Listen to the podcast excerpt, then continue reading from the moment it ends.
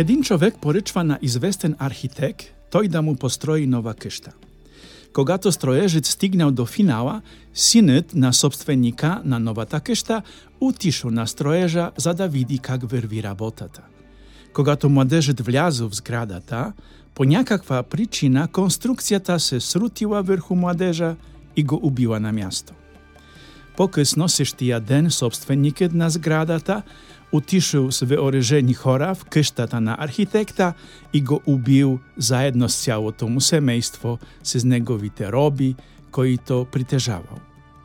Taka był i spełnen sweszteniat zakon za odmyszczenie to. Zakonet za odmyszczenie to esyż testwował i powremie to na Abraham. No jedwa wawionski jad kniaz Hammurabi około 1700 godzin przed Rożdestwo Chrystowo – въвежда ред в империята си с известният морален кодекс, така наречен Кодекс на Хамураби. Именно кодексът на Хамураби въвежда закона на Талион, т.е. око за око, зъб за зъб. Според този закон, собственикът на разрушената къща можел да убие само сина на архитекта, както отмещение за смъртта на неговият син. Според този закон, собственикът на разрушената къща можел да убие само сина на архитекта, като отмещение за смъртта на неговия син. Как законът на талион или око за око, зъб за зъб се отнася към евангелският морал – този въпрос се обсъжда в днешният подкаст. Каня ви да слушате и да размишлявате с мене. Аз съм отец Кшиштоф, аз съм капуцин, живея в Инсбрук и от две години насам записвам подкасти под название Я. Мхм. В тези подкасти правя размишления върху неделните четива или разказвам ви за нашите мисии в Индонезия и Мадагаскар.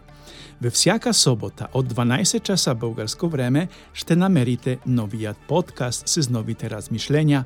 Каня ви сърдечно, стига само в търсачка да напишете я мхм заедно, точка, podbin.com и вече сте на мой подкаст. Добре дошли!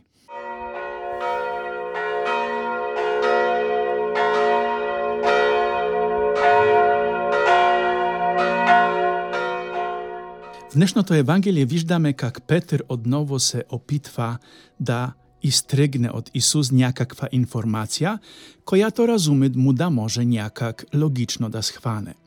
В учението си Исус през цялото време говори за любовта, в която няма логика. Не може да бъде така, да бъда преследван, да бъда бит, да бъда мамен и за това още да прощавам всичките нарушения в духа на любовта – Това беше твърдо много за разума на Петър, както и на нашия разум. В края на краища всичко си има граници, дори и любовта. В този стремеж към логично подреждане на живота, ние много приличаме на Петър. Бихме искали Евангелието да е по-логично, затова ми харесва въпросът на Петър. Колко пъти трябва да простя? Или толкова колкото седем? Каза Петър на Исус. Мисля, че отговорът на учителя не се харесал на Петър, а предполагам, че и на нас. Исус отговаря, че не седем пети, а 70 пети по седем. Петър е изплашен до смърт, защото на нашият език превеждаме отговора на Исус с думите «Прощавай винаги». Числото 7 в Библията има много важно значение. Това е свещено число, означава пълнота, съвършенност, защото на седмия ден Бог си починал след сътворението на света. То е съвършено число и означава вечност. Предполагам, че Петър саркастично е попитал Исус дали толкова колкото седем пъти, защото в устата на Петър това означава трябва ли да прощавам безкрайно? Исус отговаря на Петър, братко, не е седем пети, седемдесет пети по седем. Исус премахва всяко съмнение. Исус каза, че трябва да прощаваш не няколко пъти, а че трябва да прощаваш винаги, всеки път, когато някой е виновен пред теб. Петър, както и неговите съвременници, е познавал закона на Талион или око за око, зъб за зъб. Много християни днес също много искат да прилагат този принцип от кодекса на Хамураби в ежедневието си. И Евангелието на Исус не ни оставя никакви съмнения.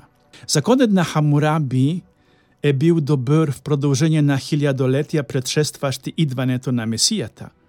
Но с идването на Спасителя и проповядване на Божието царство, законът на Талион вече няма право да съществува. Евангелието ражда нов човек, роден от кръвта на Спасителя. Следват времена на Божието царство, чието видим знак трябва да бъде църквата. А църквата това са нови живи хора, за които ви говорят. Новият човек изповядва нов принцип на живота и морал. Това е законът на любовта. Законът на любовта към Бога и ближния. В тази любов са важни милосърдието и прошката. Прошката в Небесното царство няма мярка. Тя има непреход, непреходна стойност. От тук и притчата на Исус за слугата, който получил прошка за голям дълъг, но не могъл да направи същото спрямо колегата си, чийто дълъг бил смешно малък. Християнинът е човек, който живее според нови принципи. Християнинът е човек на прошката всеки път. Християнинът не носи обида, не култивира обида, а прощава всеки път, защото и Бог ни прощава всеки път. Евангелският човек е човек, който е нов във всичко, в цялото си мислене. Не както този свят. Ние мислим по друг начин – в начина на мислене, т.е.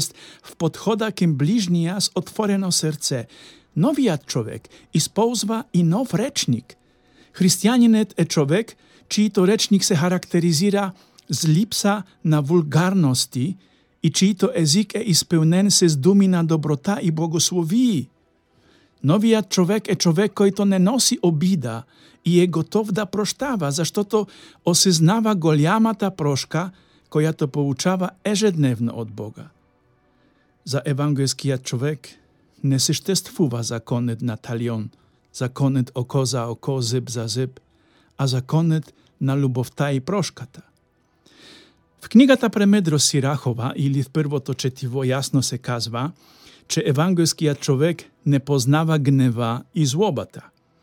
Tezi dwie emocje są charakterni samo za grzesznika, no nie i za Bożija człowieka.